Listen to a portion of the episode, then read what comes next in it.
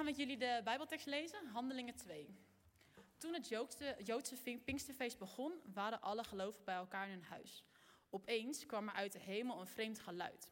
Het klonk alsof het heel hard begon te waaien. Het was overal in huis te horen. Ook zagen de gelovigen iets dat op vuur leek. Dat vuur verdeelde zich in vlammen en op iedereen kwam een vlam neer. Zo kwam de Heilige Geest in alle gelovigen. Daardoor begonnen ze te spreken in vreemde talen. Op dat moment waren in Jeruzalem veel Joden uit alle delen van de wereld. Ze waren gekomen om het Pinksterfeest te vieren. Toen het geluid uit de hemel klonk, kwamen ze er allemaal op af. Ze begrepen er niks van. Want iedereen hoorde de gelovigen spreken in zijn eigen taal. Iedereen was erg verbaasd en zei: De mensen die daar praten komen allemaal uit Galilea. Hoe kan het dat we ze allemaal horen spreken in onze eigen taal? We komen allemaal ergens anders vandaan. Sommigen van ons uit komen uit landen uit het oosten. Anderen komen zelfs uit landen in het noorden, het zuiden of het westen. Sommigen komen uit de grote stad Rome zelf. Weer anderen komen, uit het land, uh, komen van het eiland Kreta of uit de woestijn van Arabië.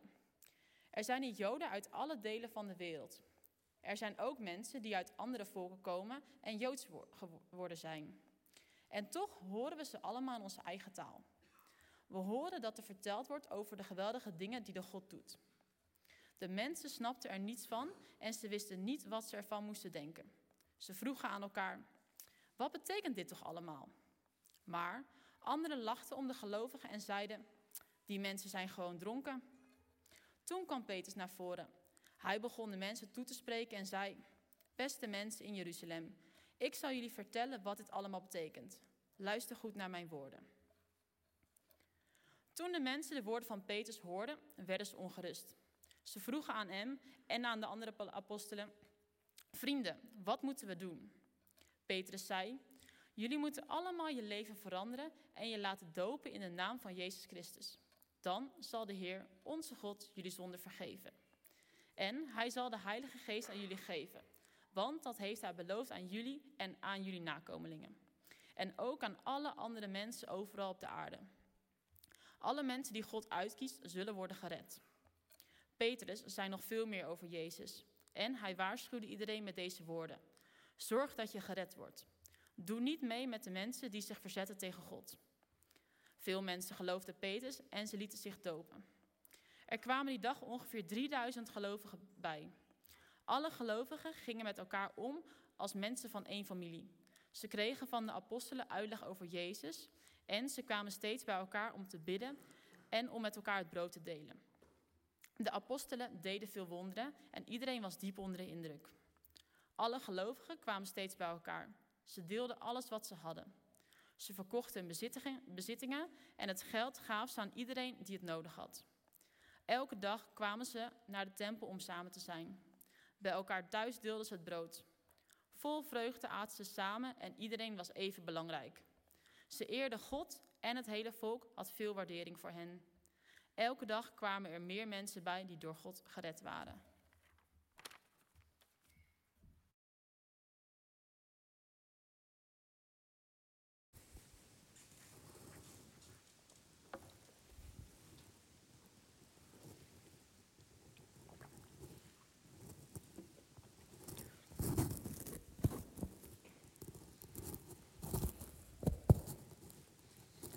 Denk dat het goed gaat. Um, ik krijg eh, van veel mensen krijg ik dezelfde vraag. Ik ben hier, eh, voor de mensen die mij niet kennen, ik ben Pim Brouwer. Ik ben, uh, afgelopen januari ben ik hier dominee geworden. En dit is dus de tijd dat mensen vragen, ken je een beetje wennen? Gaat het een beetje goed? hoe, hoe, hoe, staat het ermee? Ehm, en ik denk, misschien moet ik het gewoon eventjes aan publiek doen. Dan hoeft u het niet meer te vragen. Um, ja, het went aardig. Ja. Um, maar er is ook iets wat ik, wat ik nog steeds lastig vind om, uh, om te wennen. Ik, ik, weet niet wat dit is. Ik, uh, ik, ik, ik, ja, ik denk dat het zo beter is. Ja, ja. Eén ehm, ding vind ik lastig om te wennen. Ik kan hier in Vathorst kan ik, wekenlang rondlopen zonder ooit een heiden tegen te komen. Dat vind ik wennen. Dat vind ik wennen. Wij wonen op drie minuten van de gereformeerde basisschool waar onze kinderen zitten.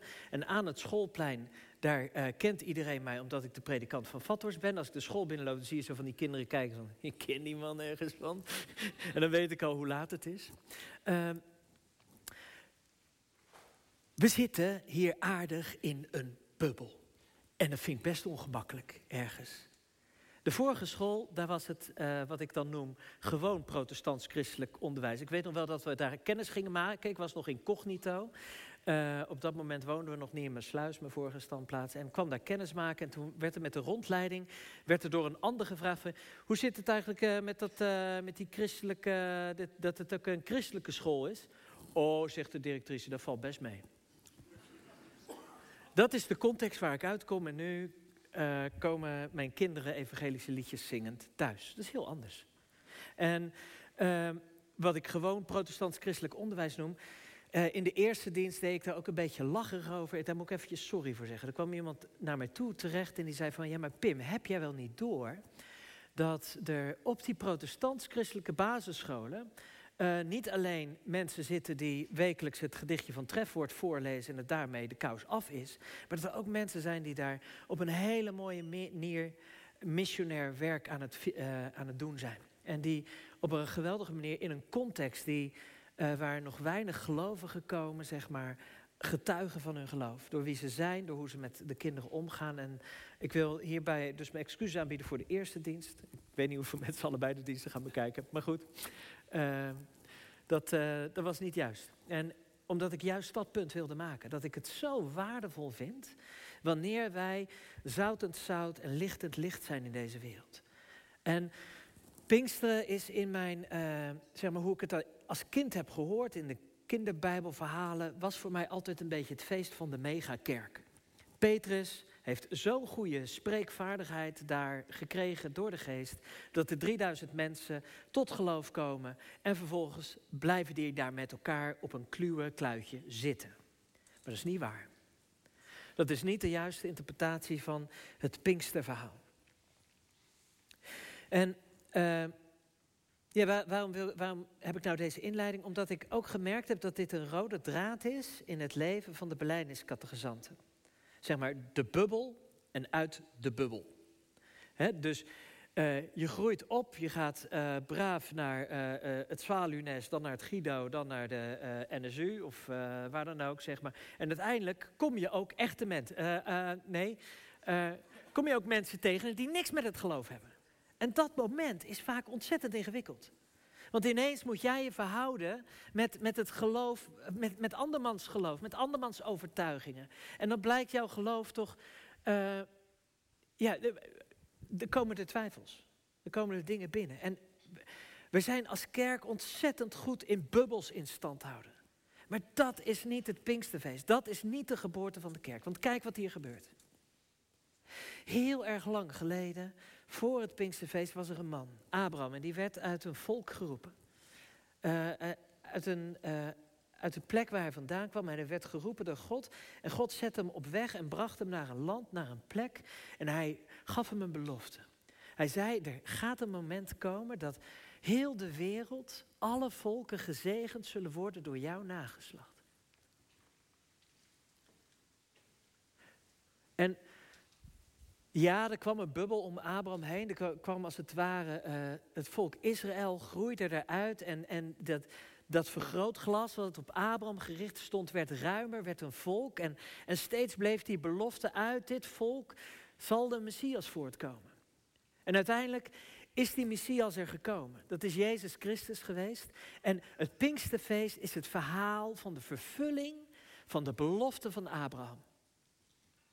Het Joodse, het Joodse Pinksterfeest, want de Joden gingen daar niet heen omdat ze de Heilige Geest zouden ontvangen. De Joden die daar kwamen, die kwamen daar voor het feest Shavuot, het wekenfeest. Vijftig dagen na uh, Pasen, hè, dus de uittocht van het, vanuit het land Egypte. Uh, vijftig dagen daarna kwamen ze aan de Sinaï, de, de berg van God. En daar ontving Mozes de stenen tafelen waarop de wil van God geschreven is. Dus het is de uitstorting van de wil van God. Toen op tafelen en nu op de harten van mensen. En tegelijkertijd is Pinksterfeest, het, het Shavuot, is ook het, het feest van de eerstelingen. Het is het feest van de, de, de eerste oogst. Hè? Dus je hebt, die oogsttijd die duurt langer, maar de gerstenoogst is als eerste. En je brengt een gedeelte van je gerstenoogst, breng je in dat festival, breng je dat naar Jeruzalem toe. En in die oogst is het hele volk geheiligd. En als je op die manier gaat kijken naar het Pinksterfeest, dan is het het feest van de eerstelingen. Joden uit, uit alle volken. Uit, uit het noorden, uit het zuiden, uit het oosten en het westen. Ze zijn allemaal gekomen naar Jeruzalem om daar het, uh, uh, het feest van Shavuot zeg maar, te vieren. Zij zijn daar gekomen en als het ware zijn zij de eerstelingen van de oogst van de plekken waar zij vandaan komen. Want deze mensen, het is, dat is nog zo'n verkeerde aanname over het Pinksterfeest, dat het een, uh, een massabekering is van heidenen. Niet waar. Het zijn allemaal Joden.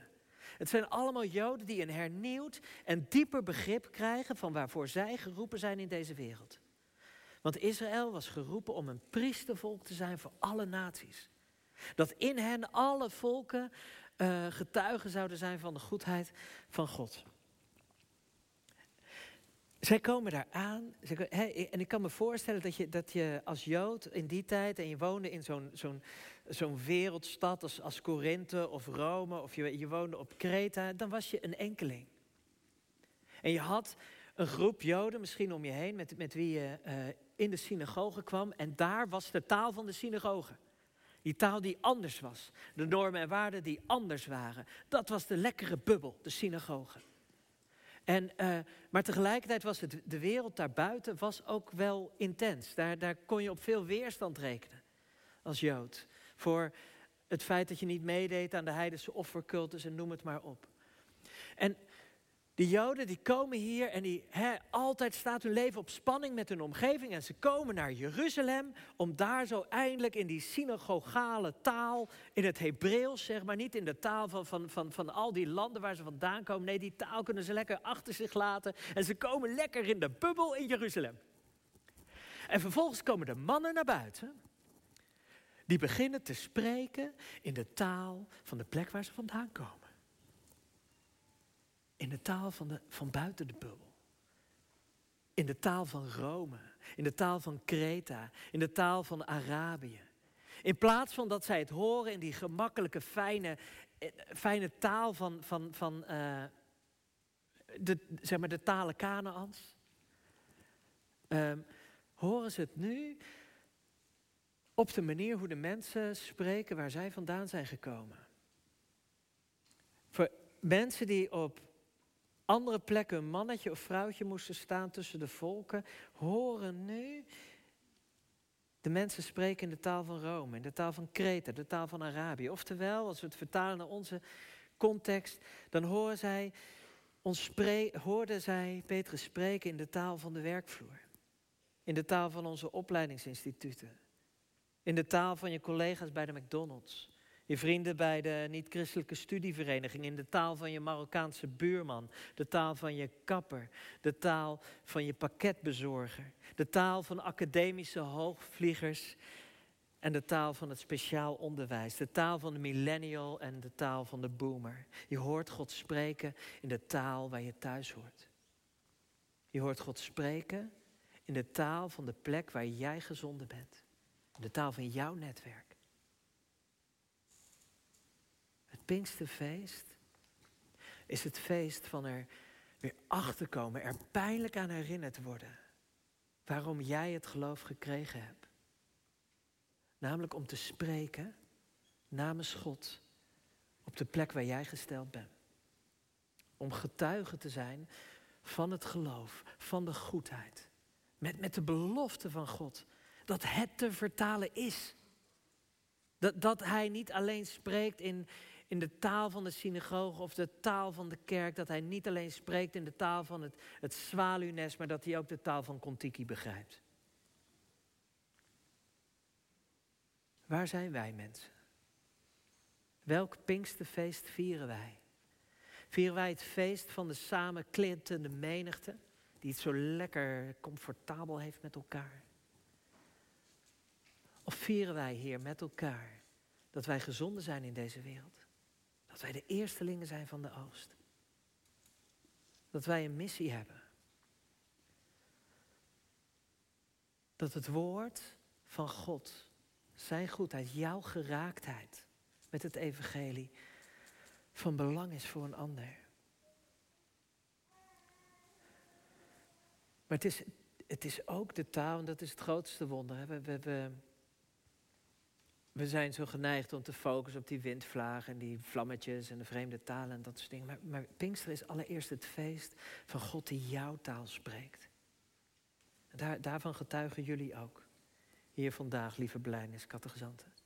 Dat er mensen zijn in jullie leven geweest, dat er woorden zijn geweest in jullie leven. En nou snap ik het. Nou klikt het, nou, nou klopt er iets in mij. Nu hoor ik het op een manier die ik begrijp. Nu hoor ik het op een manier die zo dichtbij komt, dat, dat het voelt alsof mijn moeder of mijn vader me toezingt als ik ga slapen. Die taal, die warmte.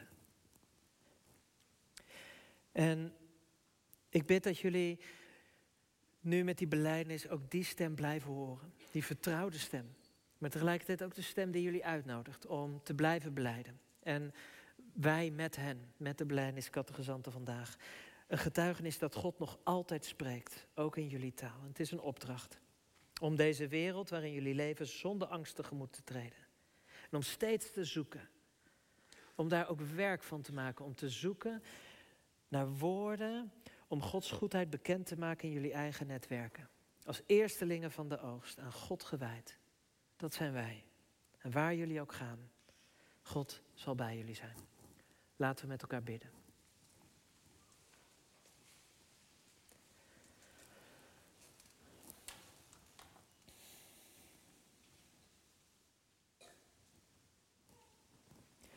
Vader, we, zongen van uw ongeëvenaarde kracht. Van uw troon die voor altijd staat. Dat uw heerschappij voor eeuwig is. Vader, we willen onder de indruk raken van die grootheid. En dat die grootheid tot ons wil spreken in een taal die we vatten. Vader, spreek vandaag tot onze harten. Daal met uw geest erin neer. Zodat we uw woord horen en dat het klikt. Dat, dat het klopt. Dat wij ons gezien en geweten voelen. En Vader, wanneer wij de kracht daartoe van u ontvangen, help ons dan om uit te gaan. Om daarvan te getuigen. Om woorden te zoeken. Om de mensen in onze omgeving te raken. Vader, ik wil u in het bijzonder danken voor hen die hier vandaag aanwezig zijn, die zeggen, nou Pim, ik herken me totaal niet in die bubbel. Ik voel me alleen in mijn geloof op zoveel plekken van mijn leven. Vader, vul hen met uw geest. Met uw thuis zijn. Met uw heerschappij over deze aarde. En maak uw koninkrijk zichtbaar door ons heen. Amen.